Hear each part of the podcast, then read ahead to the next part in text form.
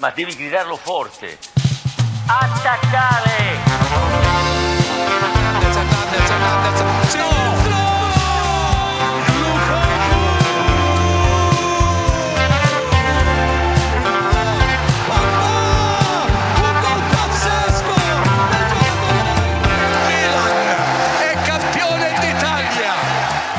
Het is maandag 31 oktober.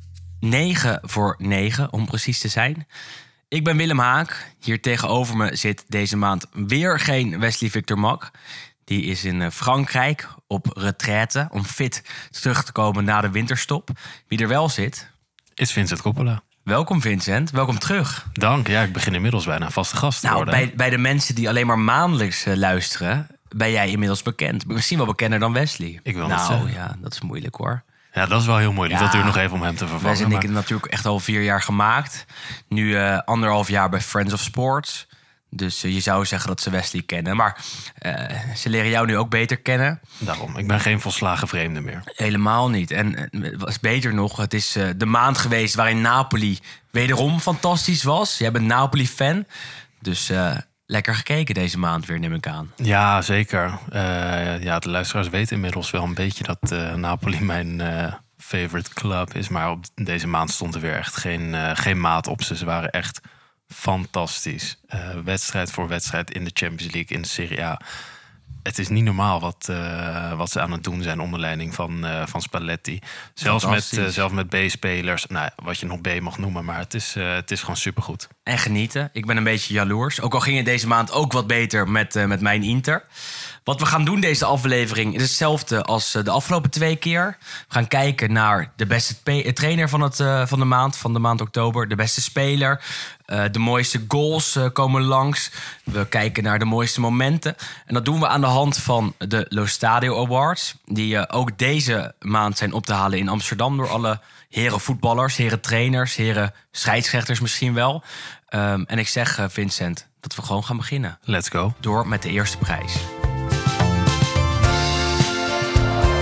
Dentro, poi pallone per Milinkovic, Milinkovic con lo scavetto, con lo scavetto Milinkovic Savic, tecnica purissima del sergente, poker.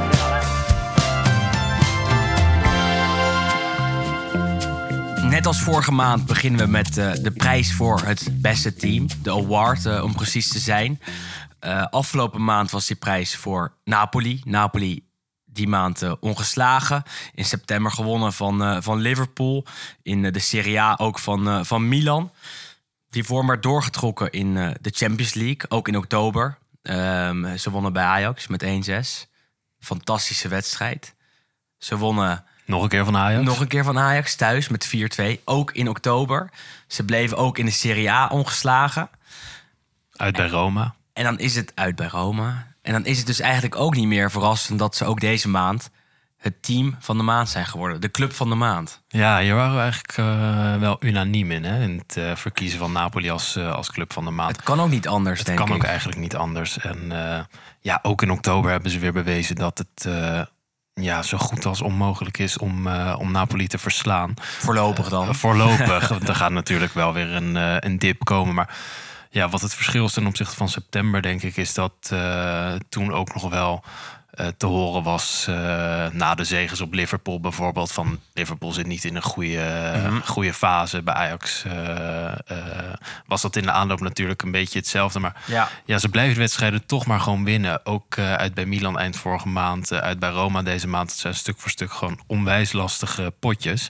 Eh, maar ze slepen ze wel allemaal binnen. En ik heb hier Soccerway voor mijn neus staan. En daarbij kleurt de uitslag of groen of oranje of rood. En bij Napoli klik je door, klik je door september heen, klik je door oktober heen. Alles is groen. Ze hebben alles gewonnen. En alles ook met overtuigende cijfers. Behalve misschien bij Roma uit, toen ze het heel moeilijk hadden met de tactiek van eh, Mourinho. Roma wilde alleen maar verdedigen, wilde eigenlijk helemaal niets, was opgefokt.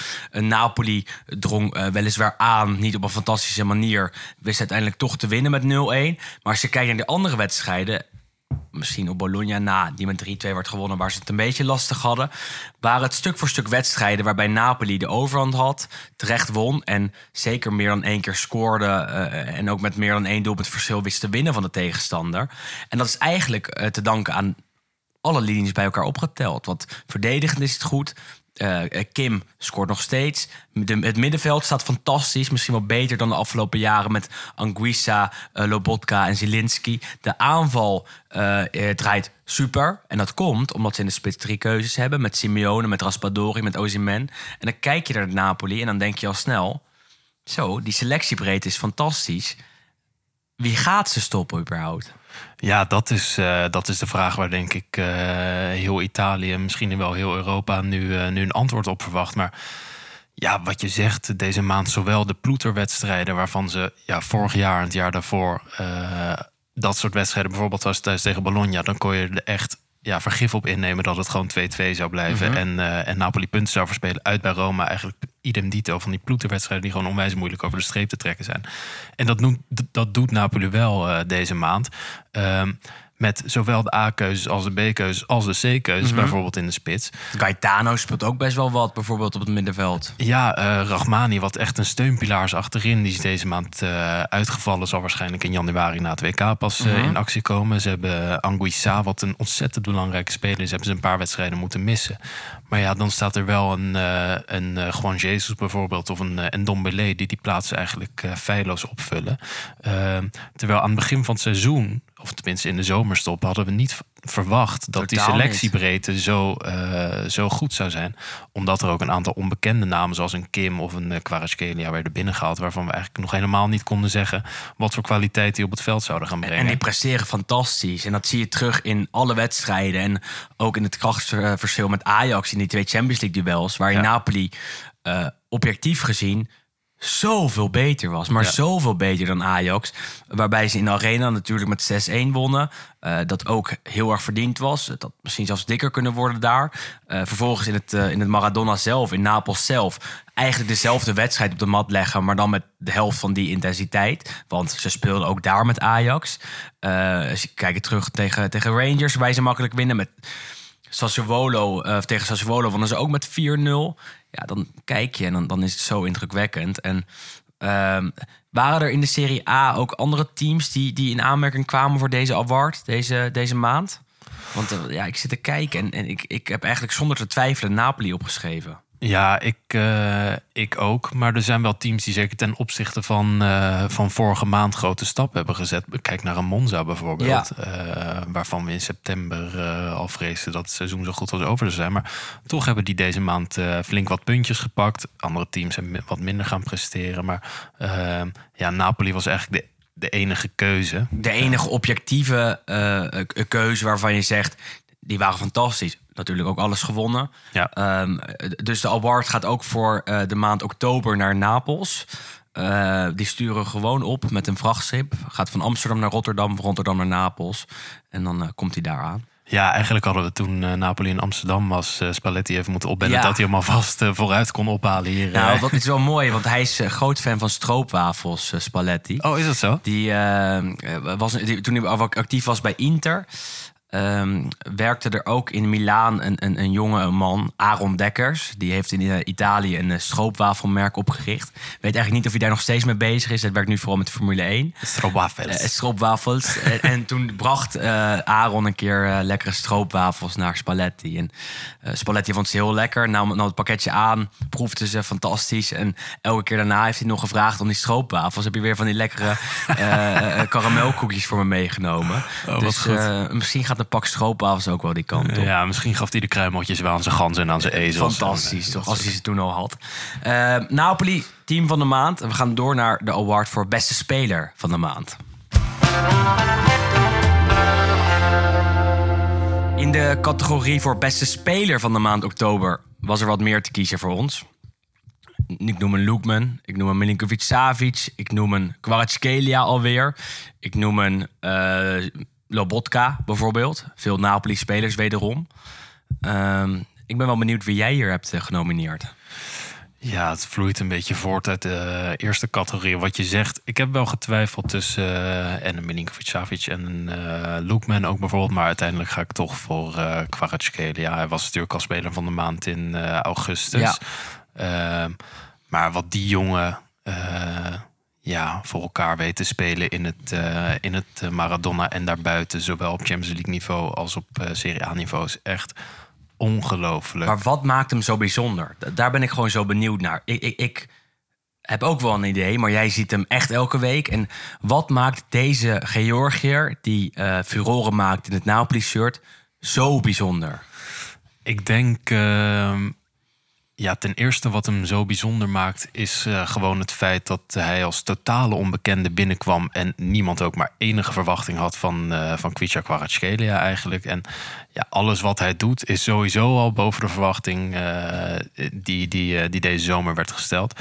Maar ja, ook als je hem ziet lopen. Hij loopt een beetje gebocheld met, met die schoudertjes omhoog. Het is gewoon eh, ja, een jong gastje wat, eh, wat de hele linkerflank be- bestrijkt. En als je hem vergelijkt met een Insigne bijvoorbeeld... wat ook, ook een hele goede speler was... maar daarvan wist je altijd, die gaat naar binnen... en die haalt uit naar de tweede paal. En van Kvaratskhelia is er echt geen enkele eh, maat op te trekken... of die nou buitenom gaat, binnendoor, wat voor actie die maakt... of die een paas gaat maken. Hij heeft zowel goede pases in de benen als een, eh, eh, als een doelpuntinstinct. Dus het is totaal onvoorstelbaar. En hij doet het ook op een ja, frivole, bijna ja, dansende manier. En met zin.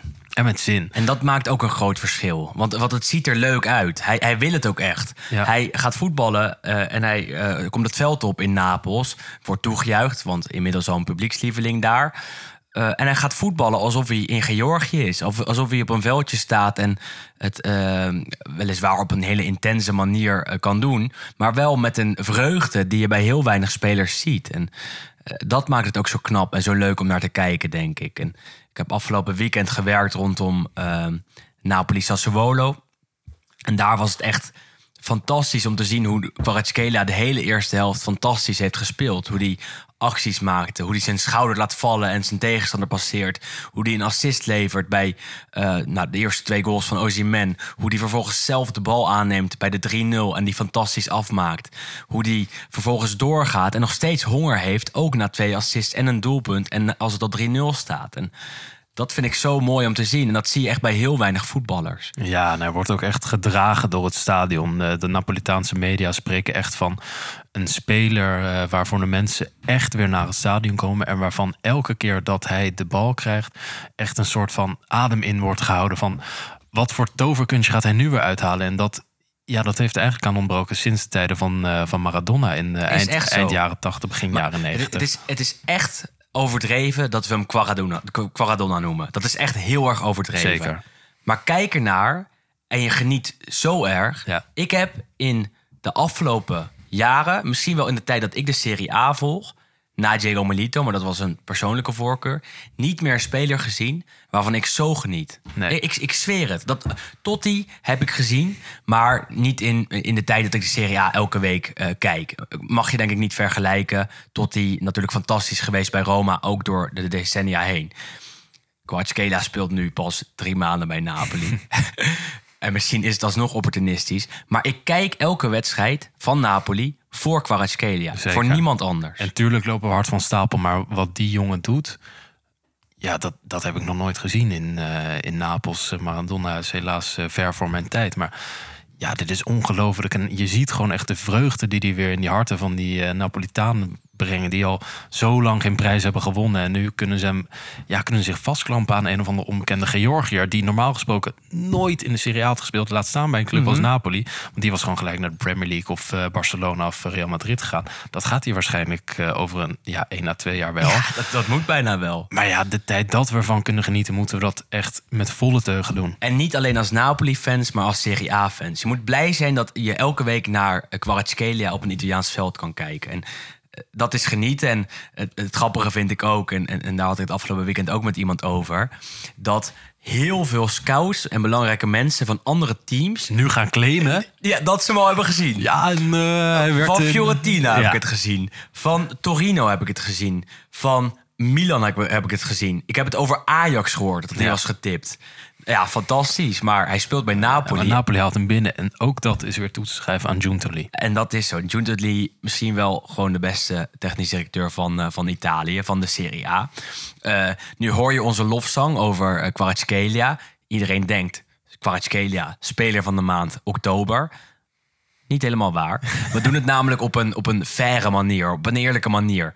En de Speler van de Week Award eh, werd deze maand twee keer gewonnen door dezelfde speler. Dat was niet Kvaratskhelia, eh, die het wel vorige week eh, werd. Dat was, nee, dat werd hij ook niet, Kvaratskhelia. Nee, Kvaratskhelia is volgens mij deze maand helemaal geen enkele keer Speler van de Week geworden. Nee. Wie dat wel twee keer werd, wat, was uh, Sergej Milinkovic-Savic van Lazio. Ook helemaal terecht. Ja. Hebben het ook vaker over gehad. Vorige maand had jij hem zelfs, dacht ik, genomineerd als speler van de maand. Klopt. Toen was hij ook hartstikke goed. Ehm, als speler van de maand. September dus. Eh, Ja. exact. Het is heel grappig. Op mijn laptopscherm staat nog steeds 4 oktober. Dus vandaar dat ik af en toe in de war ben. Als speler van de maand oktober nomineer ik hem. En, en dat wordt hij ook. eh, omdat het, eh, de luister- jij de baas bent Omdat hier. ik de baas ben hier, ja. omdat ik de oprichter van Lo Stadio ben. en omdat we in mijn woonkamer zitten. Nee, vooral omdat hij al twee keer speler van de week is geweest in oktober. Eh, en dat ook helemaal verdiend was. Milinkovic Savic, eh, dit jaar de beste man van Lazio, zonder twijfel. Ja. Eh, bij veel doelpunten betrokken, bij veel assists betrokken. En veel meer dan dat. Want hij is de, de steunpilaar van het middenveld van Sarri. Verdedigt goed mee. Was in 2017 was hij al fantastisch. Toen even teruggevallen.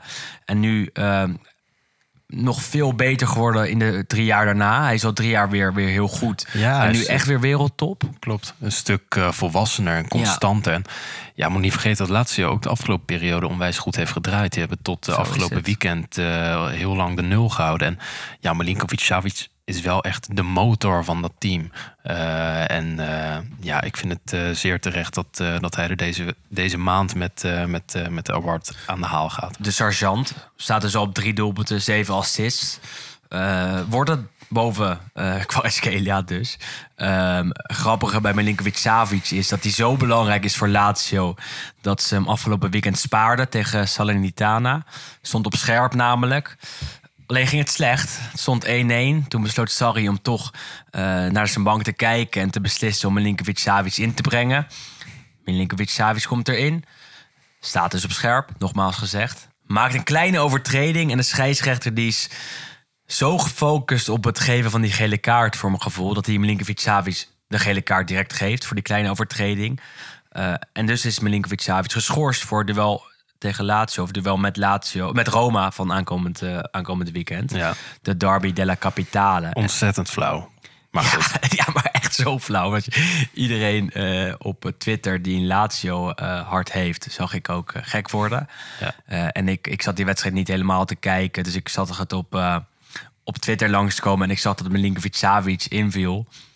En tien minuten later de tweet van Lazio, gele kaart Milinkovic Savic. Ja, je Toch even op een likeje, zag ik? Toch even een likeje. Dat, dit moet ik even onthouden voor de podcast. Ja, dat zijn van die mooie out-of-context eh, tweets. weet je wel. Zeker, ja, ja, ja. Ze zagen ook allemaal dat ik eh, na eh, ADE allemaal tweets van Job Jobs had geliked. Toen kreeg ik ook al een opmerking over een DJ. Zat.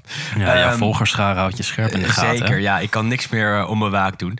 Maar Milinkovic Savic, eh, speler van de maand. Kvaratskhelia al genoemd. Zijn nog wat spelers die we wel even moeten benoemen hier. Zonder dat we al te lang bij, eh, bij elke speler gaan stilstaan. Loekman van Atalanta heeft een hele goede maand eh, achter de rug. Ja, ja het draait ook nog op volle toeren. draait op volle toeren. Heeft eh, echt goed gepresteerd eh, deze maand. En had het ook verdiend om in de, in de, in de top 3 te eindigen. Nou, weet je wat? Hij eindigt gewoon in de top 3 op het, Ja. eh, op het, op het bronzen Vind ik plekje. schappelijk. Schappelijk en niks mis mee. Ehm, wie hebben we nog meer? Ehm Lobotka was supergoed in de, in, de, eh, in de maand oktober. Ja, Ehm, we hebben Lautaro Martinez, die fantastisch was bij Inter. Ozyman die na zijn blessure ook heel goed is. Dus echt wel. Edin Zeko wil ik toch ook een beetje hier noemen. De, de, zwaan van Sarajevo, die het eh, afgelopen maand gewoon hartstikke goed heeft gedaan. En eh, bij Inter heel goed heeft gezorgd voor de vervanging van eh Romelu Lukaku, die weer geblesseerd is. Dus het is nogal wat en nogal interessant. En volgende maand zijn we er gewoon weer met een award voor de speler van de maand. Deze maand gaat hij naar Milinkovic Savic. Zal die op zijn Wikipedia komen of niet? Oh, dat moet dus wel mooi, hè? we gaan het Ja, zien. Misschien wel leuk om... Ik neem aan van wel, eerlijk gezegd. Ja, vorige maand hadden we natuurlijk Delofeo. En eh, een van onze trouwe luisteraars... Ja. die heeft op de officiële Wikipedia-pagina van eh Delofeo... bij zijn, eh, ja, wat is dat, persoonlijke palmares... Mhm. heeft hij de Lo Stadio Award voor de maand september erbij gezet. Het staat er nog steeds. Staat er nog steeds, maand, een maand later staat het er nog steeds. Dus, nou ja. Nou, ik denk dat hij het inmiddels wel zelf ook uit, gezien ik heeft. nodig jullie uit om het nog een keer te doen. We gaan door naar de volgende award. En dat is die voor beste trainer. Door naar eh, de volgende award. En dat is die voor eh, beste trainer van de maand oktober. Vorige maand eh, werd de prijs gewonnen door Luciano Spalletti van Napoli. Meer dan verdiend. Deze maand andere nominaties, denk ik, hè, Vin? Ja, ja hoewel eh, ook deze maand Luciano Ja. Spalletti op zich in het, eh, in het zonnetje gezet mag worden. Absoluut. Heb ik eh, mijn nominatie toch toegekend aan een trainer die ja, een stijgende lijn in zijn elftal heeft, heeft weten te krijgen. Ja. Ik ga namelijk voor, voor Palladino van, van Monza.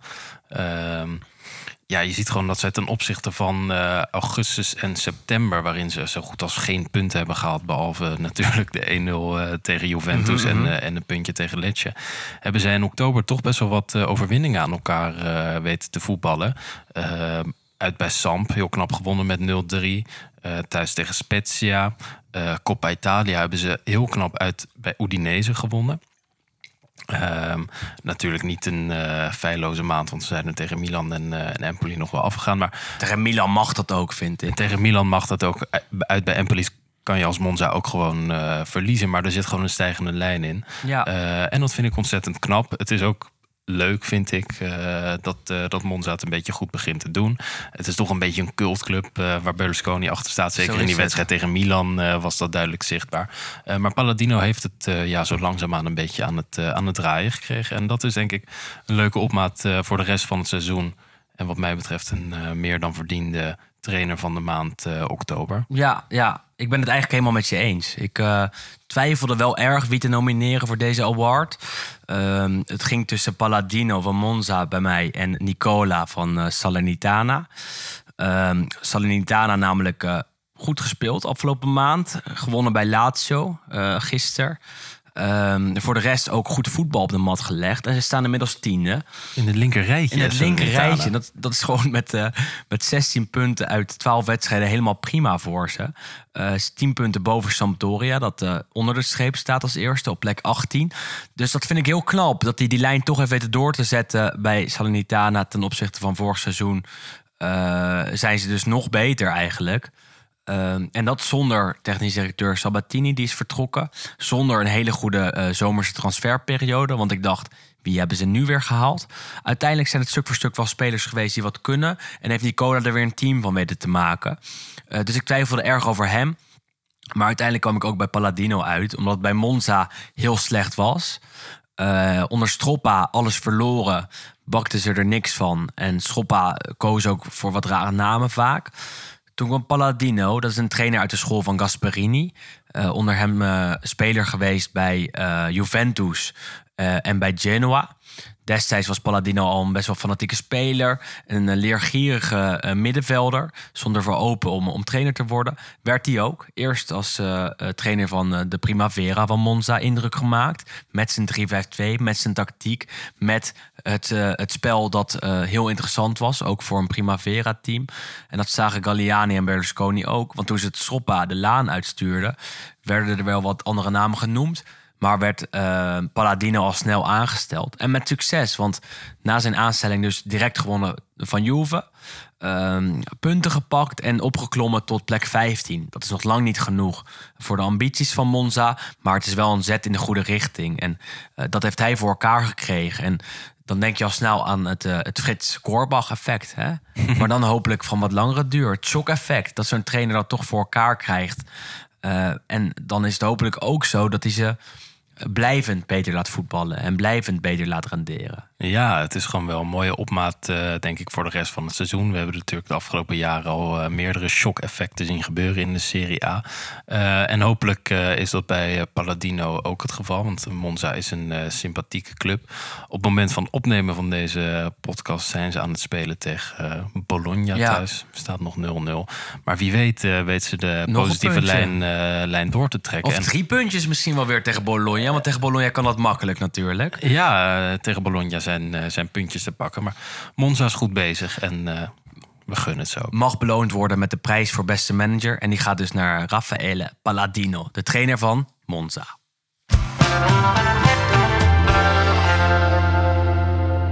Het is een eh, goed eh, nieuwsshow vanavond, want we beginnen altijd bij de awards met eh, de positieve awards. Met de prijs voor beste trainer, beste speler, voor de prijs van beste team.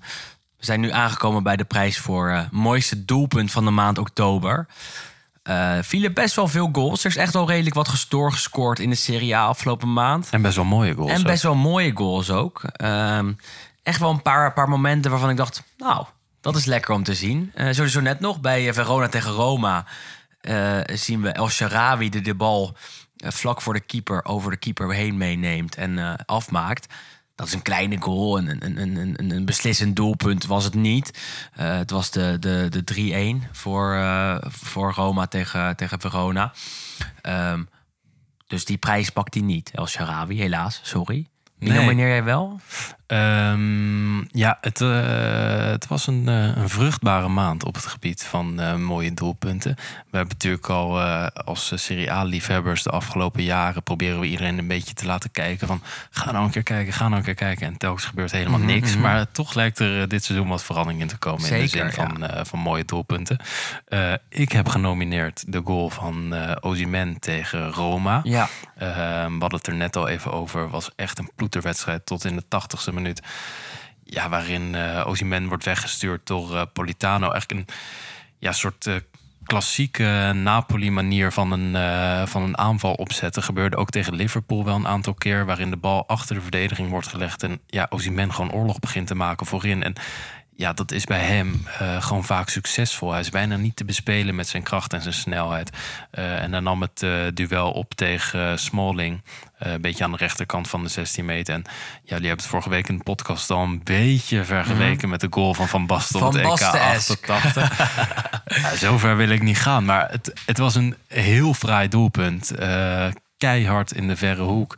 Eh, en waarin we ook een ja, klein glansje zagen van, eh van zowaar techniek bij Victor Osimhen. Terwijl die toch vaak, zo vaak. wat lompe voeten heeft. En, eh, Nou ja, het werd zo net ook even besproken bij Rondo, de talkshow van Ziggo Sport. Ehm, dat Osimhen afgelopen weekend weer een mooi doelpunt maakte. Een soort stiftje. Ja. Dus hij heeft wel wat lichte voetjes in huis. Hij kan het wel. Hij kan het wel, maar toch in zijn manier van duels aangaan vooral... Mhm. is hij vaak zo ontzettend lomp en met van die harde grote voeten van hem. En ja, nu heeft hij afgelopen, eh, afgelopen weekend tegen Sassuolo een hat gemaakt... en is Ja. hij sowieso na zijn eh, korte blessure eh, top uit de startblokken geschoten. Maar zijn goal tegen Roma was, vond ik echt, eh, echt weergaloos. Mooie Ehm, nominatie ook. En ehm, ja, ik denk dat hij gewoon verder dit seizoen... een van de spitsen wordt om, eh, om rekening mee te houden in, eh, in de Serie A. Sowieso. En ook sowieso gezien zijn fysiek, gezien zijn speeltijd, en speeltijd, en speelmanier ook. Gezien zijn speeltuin bij Napoli, want hij speelt met nogal wat mooie aanvallers daar. Ehm, ik, ik keek naar de doelpunten en ik dacht, ja, wie ga ik nou nomineren? Barella heeft er weer een mooie gemaakt. Ja, ook met een fantastische aanname vooral. Was afgelopen weekend tegen Sampdoria, waarbij hij de bal fantastisch aanneemt na een lange bal van Bastoni. En die de bal echt het, het doel inracht eh, bij die goal. Ehm, dus ik dacht, ja, misschien nomineer ik die wel. Uiteindelijk toch niet bij die aangekomen. Tenminste wel voor eventjes. Maar ik dacht, de trein stopt hier niet. De trein gaat door. Eh, want een dag later zag ik eh, bij Lazio Salernitana... een eh, fantastisch doelpunt van een oude vriend van me. Antonino Candreva. Antonio. Ehm, Goal de Lex weer. Goal de Lex, eh, zeker. tegen, zijn, eh, tegen zijn oude Lazio. NOS kondigde het doelpunt zelfs aan als eh, een doelpunt van een Lazio-legende. Nou wil ik zover niet gaan in het geval van Gandreva. Nou, maar toch een grote speler. Meer dan 100 wedstrijden voor ze gespeeld. En hij krijgt die bal na een eh, lange paas van eh, Mazzocchi. Die eh, de afgelopen interlandperiode bij Italië heeft gespeeld. Eigenlijk een beetje de opvolger van Candreva is in, op, die plek. Misschien wel, kan je misschien niet helemaal zo zeggen. Ehm, in ieder geval een eh, paas van een international op een ex-international. Candreva neemt die bal aan en die eh, stift hem, of die, die, die labelt hem, of die, die wipt hem over de Lazio-keeper uh, Provedel heen. Uh, en dat doet hij met zoveel gevoel dat die bal er overheen gaat. En je ziet hem langzaam, langzaam, langzaam het doel in verdwijnen. Uh, en dat zijn mijn favoriete soort goals. Ja, en het is altijd mooi, want uh, de Serie A is wel een competitie waar van die oude sluwe vossen nog wel eens van dit soort mooie grilligheden kunnen laten zien. Waar echt ja, nog een soort van uh, respect heerst voor, uh, voor dit soort spelers. En ja, als dan zo'n uh, grote speler als. Oh, jouw telefoon, telefoon valt, maar we kunnen door. als dan zo'n grote speler als, als Kandreva nog even laat zien wat voor gevoel hij in de voetjes heeft zitten. Ja, dan is dat gewoon heerlijk om naar te kijken. En ja, in de Serie A heb je dat wel vaker. Ik had het ook bij, bij een Goran Pandev bijvoorbeeld heel vaak. Ja. Weet je wel, die was al zo oud en zijn haren vielen van zijn kop. Maar als hij dan de bal kreeg in de 16, dan ja, op de een of andere langzame manier legt hij toch altijd weer een paar uh, schitterende doelpunten erin. En dat is bij Kandreva niet anders. Dus ik denk een uh, meer dan verdiende nominatie voor uh, doelpunt van de maand. Absoluut. En een doelpunt die ook vaak werd genomineerd was die van Fagioli van Juventus tegen ja. Lecce van afgelopen weekend. Waarbij hij de bal krijgt in de 16 en die hem alla Del Piero ja. de verre hoek inkrult. Verdient ook een, een, een, een, een vermelding een kleine nominatie. In ieder geval de fan-nominatie. In, in ja, deze. zeker. Ik vond hem persoonlijk iets minder dan uh, de goal van Kandreva. Maar ook echt een, een schitterend doelpunt. En extra leuk als dat soort doelpunten gemaakt worden door echt groeibriljanten. Ja. En, en ja, kinderen van de club eigenlijk. wat, wat Fagioli zeker En die is. hebben ze bij Juve dus wel. Met Miretti, Fagioli, Soule. Dus er komt wel wat aan bij, bij Juventus. Hopelijk ja. dat de Allegri speeltijd blijft gunnen.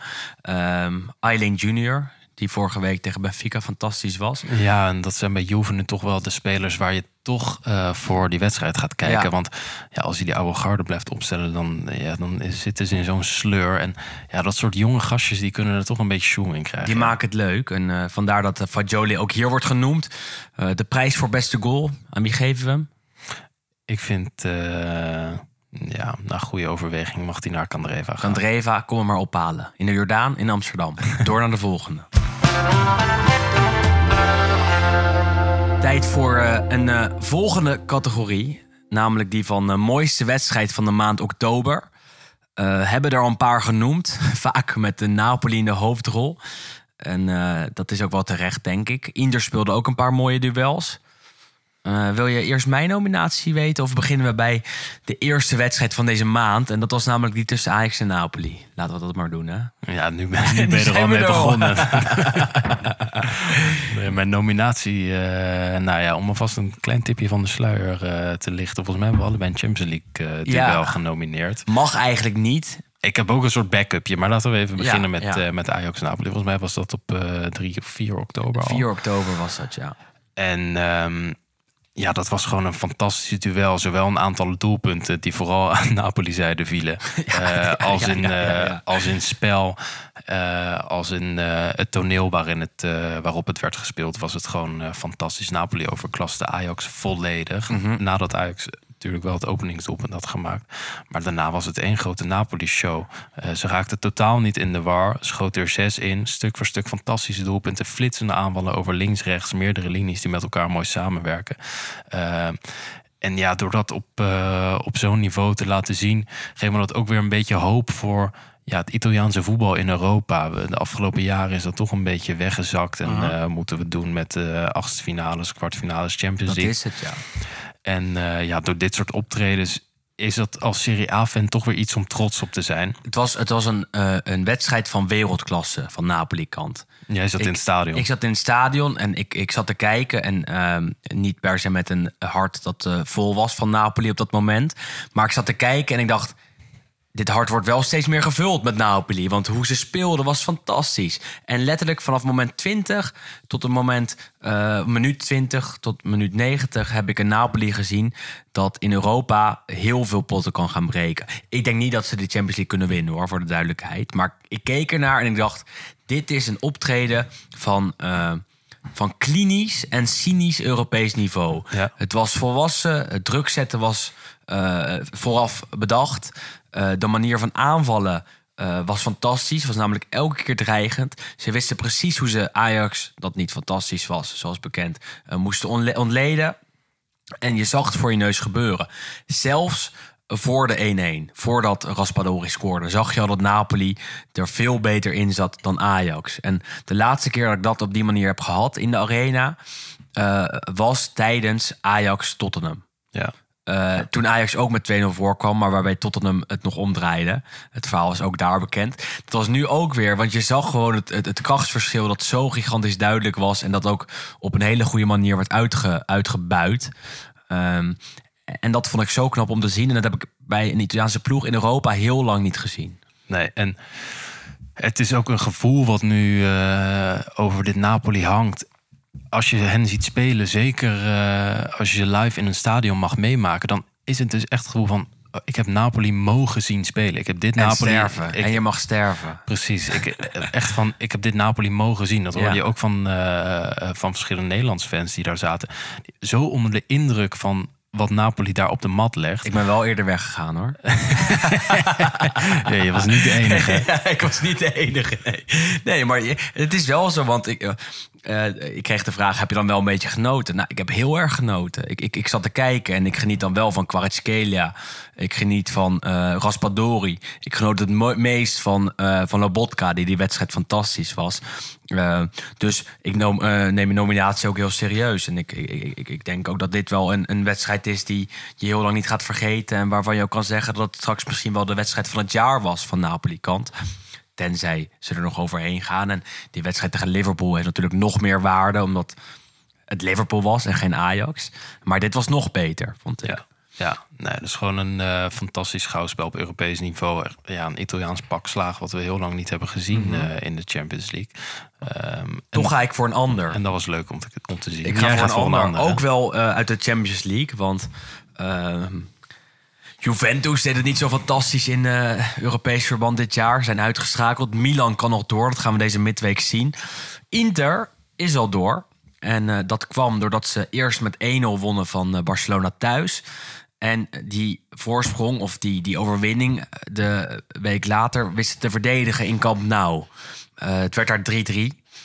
Ehm, maar die wedstrijd had, had alles. Had alles.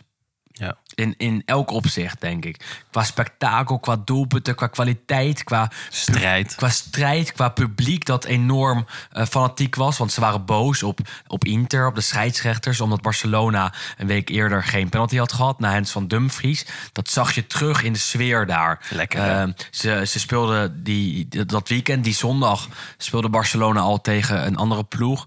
Zat ik te kijken en toen hoorde ik opeens Inter, Inter, Fafanculo. En dat hoor je bij Barcelona niet zo vaak op die manier. Inter, Inter, rot op. Ja, Dus ze, ze, ze eh, leefden echt naar die wedstrijd toe. En ik vond het heel knap dat Inter ehm, het hoofd recht kon houden. Ook na de 1-0 achterstand eh, bij de rust. Ze kwamen vervolgens met 1-2 voor. eh, ook weer met 2-3 voor. Hadden moeten winnen als, als Lani had afgespeeld. Uh, maar het bleek alsnog genoeg om, om die uh, kwalificatie voor de knock-out fase over de streep te trekken. Um, en, en, dat te kunnen doen twee weken later tegen Victoria Pilsen. Ja. Um, maar ik heb, ik heb heel lang uh, niet zo'n klinische Inter gezien ook. Nee, In, en, op Europees niveau. Ik, ik weet nog dat we met elkaar aan het appen waren nadat uh, de loting van de Champions League had Ja. plaatsgevonden. En je zat er weer zo, oh god, gaan we weer. Altijd hetzelfde liedje. Ja, en nou ja, goed, eh, in, in de, met de loting was het dit jaar dus ook hetzelfde liedje. En ja, des te knapper dat Inter uh, gewoon die tweede plek heeft weten te bemachtigen. Mm -hmm. uh, in zo'n pool met een Barcelona wat, wat in eigen land gewoon, een, gewoon een goed seizoen aan het draaien is. Maar ja, in Europa weet, uh, weet Inter toch voor te blijven. En dat is, uh, dat is super knap. En ook heel goed voor het Italiaanse voetbal. Zeker, absoluut. En die wedstrijd enorm genoten van Inter. Iets later moesten ze tegen Fiorentina. Uh, en die wedstrijd is het meest genoemd door onze luisteraars. En ja. die spelen niet vals. Wij noemen twee Champions League duels. Mag eigenlijk niet. Ik had deze als backup. Als backup, ik zie hem staan bij je. En uh, dat is ook wel meer dan terecht, denk ik. Fiorentina-Inter 3-4 kunnen we eigenlijk hetzelfde over zeggen als over um, Barcelona-Inter. Dat is ook een wedstrijd met alles. Schoot alle kanten op. Inter kwam met 0-2 voor. Uh, Fiorentina maakte uh, de 1-2 na een penalty. Maakte de 2-2. Inter weer op 2-3. 3-3 in de 90ste minuut. En toch wist Inter met de laatste trap van de wedstrijd nog te winnen. Ja. Um, figuurlijk dan, want volgens mij werd er nog wel afgetrapt. Ehm, want Mkhitaryan kreeg die bal tegen zich aangeschoten door eh, de eh, Fiorentina rechtsback. Ik ben zijn naam heel even kwijt. eh, die altijd de fout ingaat. Ehm, en eh Mkhitaryan juicht en je ziet het gebeuren. En je denkt, hoe kan het nou dat deze man... en ik heb zijn naam nu wel, want het is Lorenzo Venuti... die bal zo uitverdedigt. En ja, gigantische wedstrijd. Ja, een wedstrijd met spektakel, doelpunten en achteraf zo'n wedstrijd waarvan je tegen je vriend had willen zeggen van, hé, hey, had hem even aangezet. Want het was wel weer reclame voor de Serie A. En ik vond hem eigenlijk een beetje vergelijkbaar met de wedstrijd tussen Empoli en Milan. eh, waar, waarin eh, eh, volgens mij ook in de 93 minuut eh, de gelijkmaker door Empoli werd gemaakt. Bij Rami met een vrije trap. die. Ja. Eh, ja, en dan zijn Inter en Milan toch de grote ploegen die volwassen genoeg zijn om zo'n wedstrijd over de streep te trekken. Maar ja, hoe alles dan samenkomt. Want Milan won die wedstrijd dus ook nog, even voor de Milan won die wedstrijd Ja. inderdaad met, met 3-1 uiteindelijk nog zelfs. Balatoure en Leao. Ja, en ehm, ja, wat dan zo eh, opbouwt die 90 minuten lang en in die laatste minuten helemaal eh, eh, uit wordt gespeeld. Ja, dat is gewoon fantastisch. Zo wil je eigenlijk elke wedstrijd wel. Absoluut. En zo, zo wil je ook als neutrale kijker kijken. Dat je denkt, oh, ongelooflijk wat ik hier voor mijn ogen zie gebeuren. Ik ben voor niemand, maar je ziet het spektakel. Je ziet die, die, die, die, die blijdschap bij de spelers. En dat had ik bij, eh, bij Fiorentina Inter. Nou ja, als fan dan. En ook in het geval van Barcelona Inter. Eh, maar bij Milan was het ook mooi. Want eh, die wonnen nog. En dan zie je toch de kwaliteit van dat Milan. En de kwaliteit van die topploegen, wat je zegt. En eh, dat, dat was mooi om te zien. Dus eh, de prijs voor mooiste wedstrijd, ja, die gaat niet naar een Champions League duel, maar die gaat gewoon naar Fiorentina Inter, zeg ik. eh, Ja. Vincent, ook Ja, het meest genoemd. En Een eervolle vermelding. een voor de eervolle Champions vermelding League. voor de Champions League duels, want we hebben daar toch, toch van genoten. En mag ook gezegd worden, dat gebeurt niet altijd in de Champions League. Deze maand eh, dus wel. Ja. Door naar de volgende. Waar er veel vreugde is, Is er ook veel verdriet? is er ook veel verdriet. en dat was er ook deze maand, helaas. Het is tijd voor een klein intermezzo, want het is een leuke podcast vandaag. Ik vind deze ook altijd heel leuk om te maken, omdat je alle hoogtepunten van de afgelopen maand doorneemt. Maar waar de hoogtepunten zijn, zijn er ook dieptepunten. Het kan niet altijd feest En dit zijn. is de categorie voor eh, de grootste teleurstelling van de maand oktober. Ja. Eh, het zijn er vaak nogal wat. En je kan er uit veel kiezen. We kunnen de scheidsrechters wel noemen in de Serie A. Want die waren de afgelopen weken heel teleurstellend en heel slecht en heel wisselvallig. Doen we allebei niet. Ehm, er zijn wel wat, wat dingen ook wel genoemd op Twitter. Maar die van jou eh, moet je zelf maar toelichten. Ja, ik had inderdaad ook net zo goed het uh, scheidsrechterschilder van, uh, van Italië kunnen noemen. Maar ik heb uh, Udinese genomineerd. Eigenlijk oh jee, oh jee, ja. was het een ja, klassieke Lo Stadio jinx. Hoe we ze hebben opgehemeld die eerste anderhalve maand. Ehm, maar uh, ja, het team van Subtiel lijkt, uh, lijkt volledig ingestort. Ze hebben deze maand één overwinningje geboekt in het eerste weekend tegen Verona. En daarna is het bergafwaarts gegaan. Drie keer gelijk, één keer verloren. Ja. Op een achtste plek terug te vinden. Terwijl ze eerst nog het Leicester van de Serie A werden genoemd. En we gingen erin mee. En we gingen erin mee. We hebben ze heel stiekem het Leicester van Italië genoemd in deze podcast. Ja, ja de, de magie leek uh, dit jaar een beetje, of dit jaar, deze maand een beetje, een beetje uitgewerkt. Ik wil ze nog niet helemaal afschrijven hoor, want ze hebben nog steeds uh, genoeg kwaliteit en een leuke speelstijl in huis om, uh, om het tijd te doen keren. Eh, maar het was geen goede maand. Ze zijn er ook uitgevlogen in de, in de Coppa tegen, tegen Monza. Eh, verloren van, van Torino thuis. Dus voor de Udinese fans was het, uh, was het geen maand uh, om te onthouden. En het is jammer, want het is wel een heel sympathieke club... die zeker na die goede start in de Serie A... na die uh, eerste anderhalve maand waarin ze echt fantastische wedstrijden hebben, hebben gespeeld... ja, het zo, zo te zien weggeven eigenlijk. Misschien kunnen ze nog een opmaatje maken. En... Het zou mooi zijn als ze Europees voetbal weten te halen. Ja, dat ja, zou, ja. zou ik echt leuk En dat vinden. zit er ook echt in. Ja, zeker. Zeker gezien de concurrentie die het laat afweten. Want ik, uh, ik heb getwijfeld over Fiorentina als teleurstelling van de maand.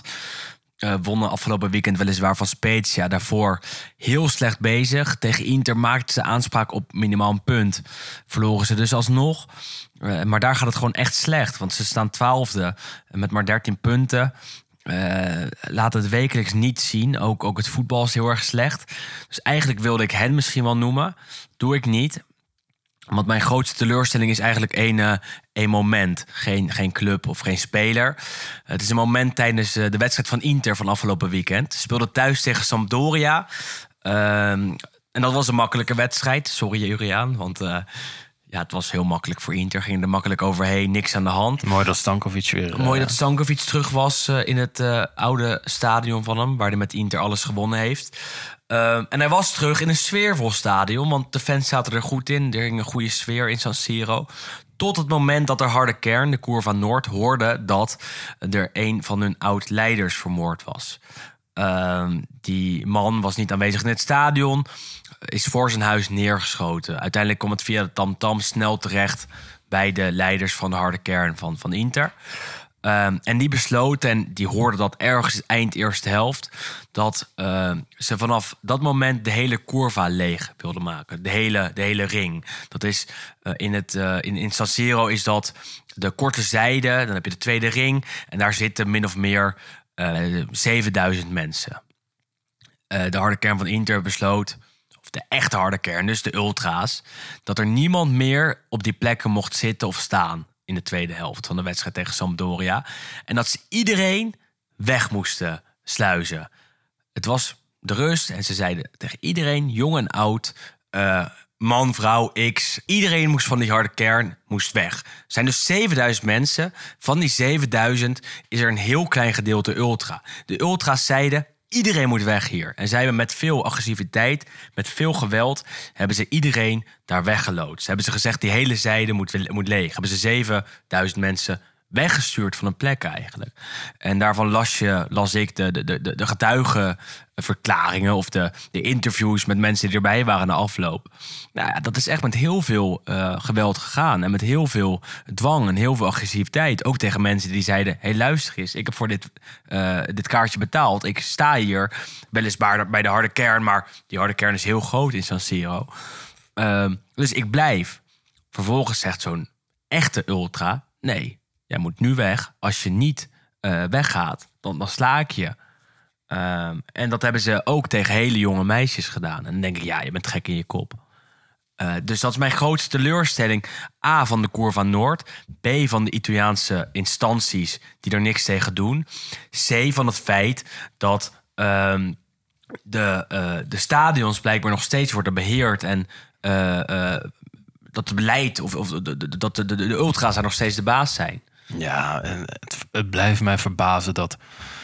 Kijk, in elk land, eh, bij elke club, of je nou in eh, Finland of eh, op Gibraltar zit, bij wijze van spreken, heb je een harde kern die natuurlijk probeert om, om die, ja, de eigen invloed binnen zo'n club zo groot mogelijk te maken.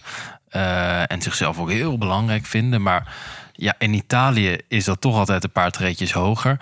En ja, als je dit soort voorvallen ziet en eh, ziet wat voor eh, ja, politiek spel of eh, machtsspel er eigenlijk wordt gespeeld in zo'n stadion en hoe een paar maloten, ik denk, ja, misschien was het een maar- groepje van een, een paar, paar 200, iets, iets meer misschien. en die dan, die dan zoiets horen en dan zegt zo'n kapel van, "Hey, eh, joh, we gaan dat hele ding gaan we leegtrekken. Nou ja, en daar maar- moet iedereen dan maar in mee. Nou, Als dat slaat eerbetoon op. voor een oud-leider van de Koer van Noord van Inter. En die oud-leider... Wat gewoon een crimineel Wat een was. crimineel is. Die gewoon 26 jaar in, in, in de cel heeft doorgebracht van zijn leven. Nou, sorry, dat vind ik echt... Ja, dus, dus dat is, dat is zo'n grote teleurstelling. En dat zie je niet alleen bij Inter, zie je ook bij andere clubs. Nu komt het bij Inter weer naar voren. Maar als je bij de harde kern staat in Italië, moet je je wel beseffen dat je tussen criminelen staat. Ja. Dat, dat is gewoon echt zo. Dat is veel meer zo dan, eh, dan bij Nederlandse clubs of, of, of, of Belgische clubs, eh, voor mijn idee. Ja, je moet, je moet bedenken dat eh, bij veel Italiaanse clubs minimaal één curva, soms ook twee. Dat zijn gewoon echte subculturen met, met eigen groeperingen, met, de, ja, met eigen rites en, eh, en regels die, eh, die dat gedeelte van het stadion eh, totaal in handen hebben. Daar heerst één grote anarchie. Stewards durven ook niet op te treden. Ik weet dat bij Napoli zit toevallig het, ge het gehandicapte vak zit onder de, de curva A. Nou ja, in de wedstrijd tegen, tegen Ajax waren er mensen in een rolstoel die niet naar de wedstrijd konden, konden kijken, omdat er een stel maloten dan daar staan. En de stewards durven ook niks te zeggen. Omdat het gewoon ja, een eigen koninkrijk is. Wat wordt, Zo is eh, wat wordt geregeerd door, ja, door een stel criminelen. En dat was dit Dat weekend bij, eh, bij Inter was dat... eh, Absoluut hetzelfde. En nu gaan ze weer stadionverboden uitdelen. Maar die mannen komen toch binnen. Sommige van hen betalen niet eens voor enkele wedstrijden. Voor, voor geen enkele wedstrijd bedoel ik. Die komen gewoon binnen, die gaan heersen. En die gaan weer weg. Hebben ze afgelopen zaterdag weer gedaan. En dat, eh, dat gaat ten koste van heel veel mensen. Ik hoor je eh, je nu afvragen... waarom sta je dan op die Koer van Noord... als je eh, niet fanatiek mee wil doen? Omdat het goedkope kaartjes zijn. Ja, en kijk, 99 van de 100 keer heb je ook een fantastische sfeer op zo'n koorbaan. Is Mhm. het ontzettend leuk eh, als je een beetje de liedjes kent. En ja, tussen, tussen het gezang, tussen de vlaggen, tussen het vuurwerk wil staan, dan is de koorbaan eigenlijk waar je moet zijn. Je zal niet het beste zicht op het veld hebben, maar dat is dan ook niet waar je het voor doet. Kies voor de sfeer. En ja, het zijn inderdaad de goedkoopste kaartjes. Van oudsher zijn dat, eh, zijn dat de, de, de volkskaartjes, zeg maar. Eh, maar ja, de keerzijde daarvan is, is dat het op dit soort momenten gewoon eh, ja, ontzettend mis kan gaan. En ja, dat, dat is gewoon verschrikkelijk voor, voor jonge kinderen die op zo'n tribune zitten. En, En denk weg ik- worden geslagen. nou, en ik denk dat, dat er een aantal echt een trauma hebben overgehouden aan, aan de manier waarop dat is gegaan. Het slaat gewoon helemaal nergens op. Ik zou niet meer teruggaan als ik daarvan af zou, zou worden geslagen. Eh, en ik had er ook kunnen zitten, dat, dat bedenk je ook. En dat, dat is niet zo, maar jij en ik, of weet ik veel wat, die zitten daar en je moet weg. Nou, eh, is het echt slim als je op de Cor van Noord eh, staat of bij een harde kern... dat je gewoon doet wat je wordt opgedragen, want anders is het snel klaar. Of dat nou goed is of niet, je moet het doen. Ja. En daarom gingen ook heel veel mensen weg. En dit tot grote spijt van, van alles en iedereen. Alleen, het is een criminele organisatie waarbij je staat. En daar moet je gewoon zoveel mogelijk eh, uit de buurt eh, blijven. Grote teleurstelling dus.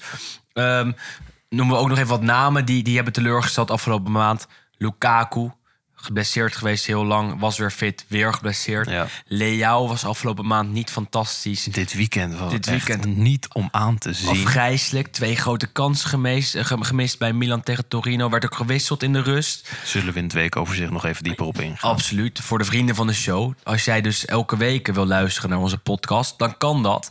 Dan moet je via uh, www.vriendvandeshow.nl slash La Gazzetta dello Stadio. Ook te vinden, dit linkje op onze sociale media kanalen. Moet je je even abonneren. Betaal je 2,50 euro per maand. En dan hoor je alles van ons. Dat is vier à vijf keer per maand. Waarbij we de hele speelronde doornemen. En uh, we elke week uh, terugblikken op de afgelopen wedstrijden. Op de gebeurtenissen. En waarbij we ook uh, de Speler van de Weekverkiezing uh, organiseren elke week. Ja, waarbij we dus ook vuurpijlen als die van Leao even wat scherper onder de loep zullen nemen. Zo is het. Doen we hier even niet. Hier toch het bredere plaatje. Um, we gaan door naar de laatste categorie, Vin. En dat is die voor uh, mooiste moment. Toch fijn om uh, met een positieve noot afscheid te nemen van de Lo Stadio Awards van de maand oktober. Ja, anders kan um, ik ook niet lekker slapen. Zo is het. En we hebben de award voor mooiste moment. Daarna nog een mooie column van Juriaan. Die even vooruitblikt op uh, het speelweekend van aankomende week. Met uh, een aantal hele mooie duels. Maar eerst tijd voor de laatste award van, uh, van vandaag. Die voor mooiste moment dus. Ik ja. vond jouw keuze wel opvallend eerlijk gezegd. Ja, ik heb, uh, ik heb een moment genomineerd. En eigenlijk vind ik die van jou leuker, maar jij, jij had hem al. uh, maar ik heb, uh, ik heb een moment genomineerd wat ik ja, nog nooit op een, uh, op een professioneel voetbalveld heb zien gebeuren. En natuurlijk wel eens uh, bij, mijn, uh, bij mijn eigen amateurclubje. Als er weer een of andere gek was, doorged gek was doorgedraaid. Maar ja, dit gebeurde deze maand bij onze welbekende Rick Karsdorp. In de wedstrijd tegen Napoli was hij al ja, vanaf minuut 1, of nou ja, beter vanaf minuut 12 uh, bezig met, uh, met de boel opzwepen. En was hij zo opgefokt. En na een ingooi, hè? Na een ingooi die hij had gewonnen, zweepte hij het publiek zo erg op. En nou ja, keek hij echt uit zijn ogen alsof er een raar goedje in zijn bidon had gezeten voor de wedstrijd. Maar, en de hele wedstrijd bleef hij daarmee bezig. onder ja, goedkeurend oog van Mourinho, die dat echt van zijn spelers verwacht. Het bloed onder de nagels vandaan halen bij de tegenstander. En het vooral een hele moeilijke wedstrijd maken. Uh, en je zou denken dat houdt dan op na het laatste fluit. Zo ja, Maar dan ken je Rick Karsdorp nog niet. Eh, want die kwam namelijk in een soort eh, handgemeen met, eh, met scheidsrechter Irati. Volgens mij Ja, had Karsdorp zeker. ook een blessuretje opgelopen Mhm. of iets dergelijks. En ja, de scheids die stond op zijn knie. En er wordt een soort van duw uitgedeeld door Karsdorp. En ik zat echt te kijken en ik dacht... Dit heb ik echt nog Doe normaal, jongen. nooit gezien. Ik ook niet. Hij is niet geschorst. Hij is niet geschorst. Er zijn zelfs excuses gekomen vanuit de scheidsrechter aan Karsdorp. Ja. Nou, en ik vond het weer zo typisch. En ik dacht echt, oh, dit is, dit is weer zo lekker Italiaans. Maar Maar, als je, ja, het is Italiaans, maar het is ook gekke werk. nou, ik dacht, dit kan toch niet? Nee, en dat hij niet wordt geschorst is al helemaal bizar. En toen ik het live zag, dacht ik, nou, misschien wordt hij hier wat drie wedstrijden voor geschorst of zo. Mhm. Of meer nog zelfs. Irati heeft niks op het rapport gezet. En dan kan je in Italië vervolgens niet meer worden geschorst. Nee. Ehm, ook omdat Irati dus zelf op zijn, op zijn teen stond. eh, op de teen van Karstorp. Eh, maar ik zag het ook doe normaal, joh. Hetzelfde bij de ingooi. Toen Emil Schelvis ook eh, als commentator zei... Rick, rustig. Het is een inworp. Het is de elfde minuut. Je moet er nog 80. Ehm, maar die wedstrijd was sowieso mooi. En, en ook wel, wel materiaal waarbij er veel te halen viel. Bij mij niet bij de wedstrijd zelf, niet op het veld zelf, maar eromheen. Er was namelijk een penalty moment. Waarbij eh Rui, Rui Patricio, de Roma-keeper, eh, een overtreding lijkt te maken op een Napoli-middenvelder, een Dombele. Hij is te laat. Een dag eerder hebben we dezelfde penalty-situatie gezien bij Fiorentina-Inter. Toen kreeg eh, Inter hem, een bel. Ja. ook, kwam, moet ik eerst zeggen, want Roma kreeg hem ook tegen. Napoli kreeg hem mee, werd teruggedraaid door de VAR. Ja.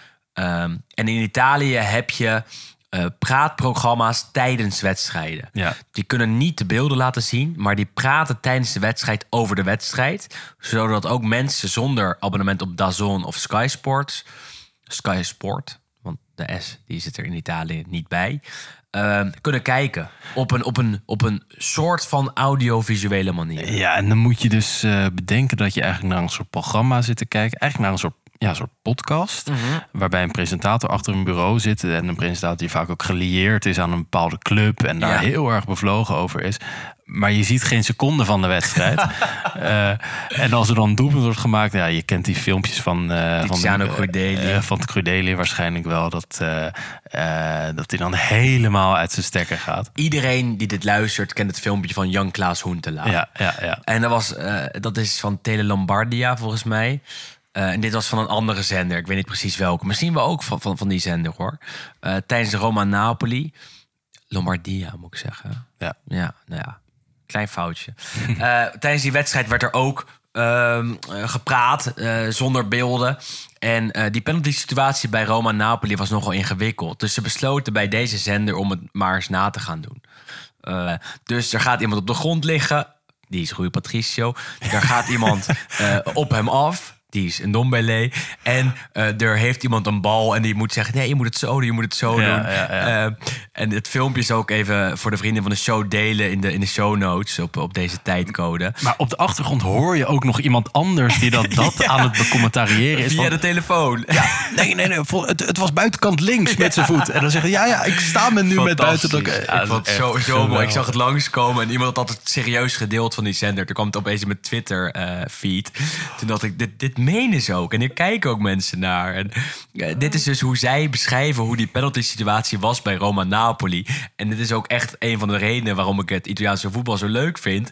Omdat eh, het, zo één- wordt beleefd. Het wordt geleefd, het wordt beleefd, het wordt gezien en het wordt eh, Nagespeeld. Oh, Het nagespeeld op zo'n moment. waarbij iemand met een rare snor de, de, de, de keeper van Roma naspeelt en probeert uit te leggen waarom het wel of geen penalty was. En eh, daarom is dat mijn mooiste moment van, van de maand oktober. En eh, word, daar word ik enthousiast van. Dat is mijn, mijn, mijn, ehm, mijn zwak voor Italiaans voetbal wordt, en voor Italië zelf wordt dan eh, blootgelegd. Moment. Ja, meer dan terecht. En ja, ik kan me voorstellen dat als je geen abonnement hebt op Dazon of Sky, dan, ja, dan, Dan lik je hier je vingers bij af bij dit, soort, eh, bij dit soort momenten. Achter de balie zit nog een hartstikke knappe dame die alles gade zit te slaan. Of je, of je luistert naar eh, Francesco Repice van, Ja. eh, van Rai Uno. De beste, beste commentator die ik ken. Ehm, die het ook vaak schopt tot onze intro's. Ja. Ehm, en altijd enthousiast is. Dat, dat kan ook. Ehm, Maar een meer dan terecht nominatie. ja, daarom, daarom.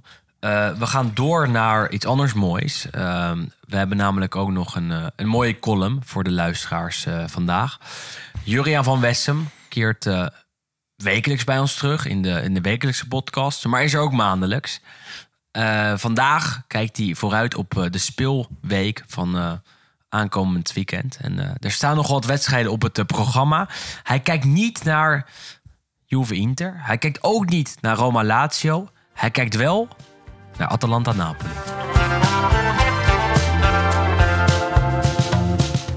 Komend weekend is Atalanta-Napoli de echte kraker van de speeldag. Ondanks de Derby d'Italia in Turijn en de Derby della Capitale in Rome.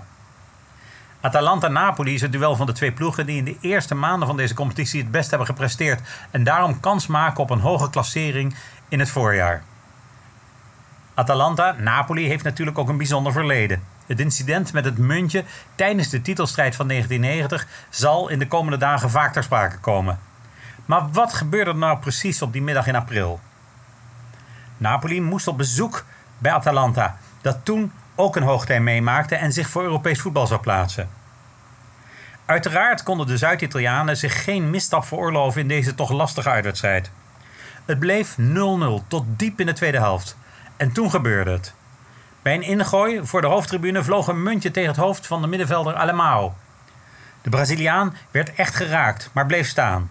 Er was wel sprake van bloed in zijn haardos. Maradona inspecteerde als een ware aanvoerder de wond voordat masseur Carmando zich bij de speler meldde. Ik zie dat je duizig bent, ga even liggen, zei de masseur. En toen zakte Alemao ineen op het veld en werd uiteindelijk wankel afgevoerd. Gianfranco Zola werd klaargestoomd om in te vallen. Napoli speelde het duel onder protest uit. Het bleef 0-0, maar Napoli diende na afloop meteen een klacht in bij de bond dat het gedwongen Alemao had moeten wisselen. In dat seizoen gold daar een specifieke straf voor. Een benadeelde club kreeg een 2-0 zege. Atalanta baalde van het wangedrag van de eigen fans. En bij Napoli namen ze het extra punt met genoegen in ontvangst. Natuurlijk baalde vooral Milan van dit voorval. En werd in de media van Berlusconi een campagne gestart dat Alemao toneel had gespeeld. Maar dat viel eenvoudigweg niet te bewijzen. De uitspraak van Carmando maakte de situatie wel een beetje verdacht. Napoli speelde de vermoorde onschuld, maar Alemao was zelfs naar een ziekenhuis vervoerd om complicaties uit te sluiten. Dus ernstig was het wel geweest. Bij Atalanta diende men geen tegenprotest in. Dat had ook te maken met het feit dat een paar maanden eerder Atalanta op een schandalige manier was benadeeld door Milan toen de Rossoneri in de laatste minuut van een bekerduel bij een 1-0 achterstand de bal na een blessurebehandeling niet teruggaven aan Atalanta. Zoals het hoorde. Maar nog een wanhoopsaanval opende en daaruit wisten te scoren, waardoor Milan en niet Atalanta zich plaatsten voor de halve finale. Maar Milan had ook helemaal geen reden tot klagen. Want uitgerekend op de middag van Atalanta-Napoli was de ploeg van Sacchi aan een verdiende nederlaag ontsnapt bij Bologna. Omdat een glaszuivere treffer van Waas na een fout van doelman Pazzagli niet werd toegekend. Hoewel de bal zeker een meter achter de doellijn was geweest. Het was het zoveelste arbitrale voordeel voor Milan in dat seizoen. Laat niemand later zeggen dat Napoli of Milan vandaag meer is bevoordeeld dan de ander. We kunnen deze twee affaires tegen elkaar wegstrepen in de titelstrijd. Want beide clubs lijken één punt cadeau te hebben gekregen, luidde de conclusie van de neutrale redactie van La Domenica Sportiva. Het waren gouden tijden voor de voetbalcorrespondenten in Italië. En Napoli zou uiteindelijk kampioen worden.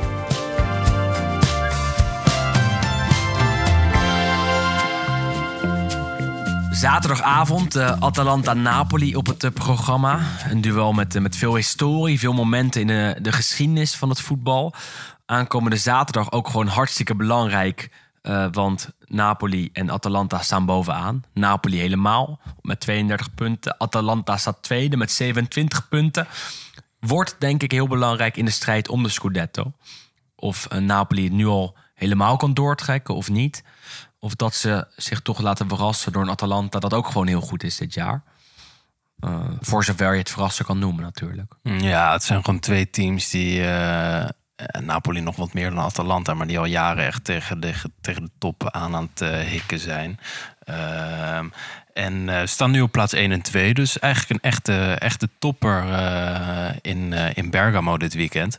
Heerlijke wedstrijd, denk ik. Kan teams, worden. die, teams die gewoon heel leuk en attractief voetbal op de mat leggen. Ehm, waar ook een aantal Nederlanders in actie zullen komen. Dus zeker, eh, zeker de moeite waard om, eh, om te gaan kijken. Match of the Day bij Ziggo Sport in Nederland wordt dus eh, uitgezonden op, op het open kanaal. Een dag later is die Match of the Day niet Roma-Lazio. Hoewel dat wel een fantastische wedstrijd is natuurlijk. Om zes uur. Lazio zonder Milinkovic-Savic. Roma vandaag op maandagavond dus gewonnen. Waardoor ze boven Lazio staan. Een eh, eh, duel tussen twee hele interessante, leuke ploegen. eh, die willen aanvallen. Vaak dan, Lazio. Roma iets minder vaak. Maar dat deze wedstrijd thuis zeker gaat doen in het uitverkochte Olympico. Zeker kijken dus. Een paar uur later, je moet gewoon blijven zitten dus na die wedstrijd van zes uur... is het tijd voor Juventus-Inter, kwart voor negen. De Derby d'Italia. De grootste wedstrijd van Italië, mag ik wel zeggen. Ja. Eh, tussen twee ploegen die elkaar eh, niet in, recht in de ogen kunnen aankijken. Al jaren niet meer. Misschien al decennia niet. En eh, ook deze wedstrijd is belangrijk. Eigenlijk gek dat Napoli, Atalanta en Roma-Lazio wedstrijden zijn tussen hoger geclasseerde teams dan deze twee teams. Want Juve en Inter staan zevende en, eh, en zesde. Ja, ze staan er niet eens direct onder, maar ze staan nog wel een paar plekjes naar beneden. Daarom, maar des te belangrijker, want ze moeten allebei winnen. Als Inter wint, eh, vindt het de aansluiting weer bij de top. Als Juve eh, wint, wippen ze weer over Inter heen. En dan is het een beetje kijken wat, wat, er, wat er kan gaan gebeuren. Ja, en toch twee teams die de afgelopen weken wel weer wat puntjes aan het pakken zijn. Ja. Dus eh, ik zou nu op voorhand niet een, eh, een, eh, een echte favoriet kunnen noemen. Inter. Maar als ik zou moeten kiezen, is dat, is dat wel Inter. Inter zonder Lukaku, Juventus zonder Pogba. Allebei een terugslag gekregen in een blessure. In een strijd tegen die blessure, moet ik natuurlijk zeggen. Eh, Juventus moet eerst nog een plekje in de Europa League veilig zien te stellen. Inter is al door, kan tegen Bayern met een B-team spelen in de Champions League.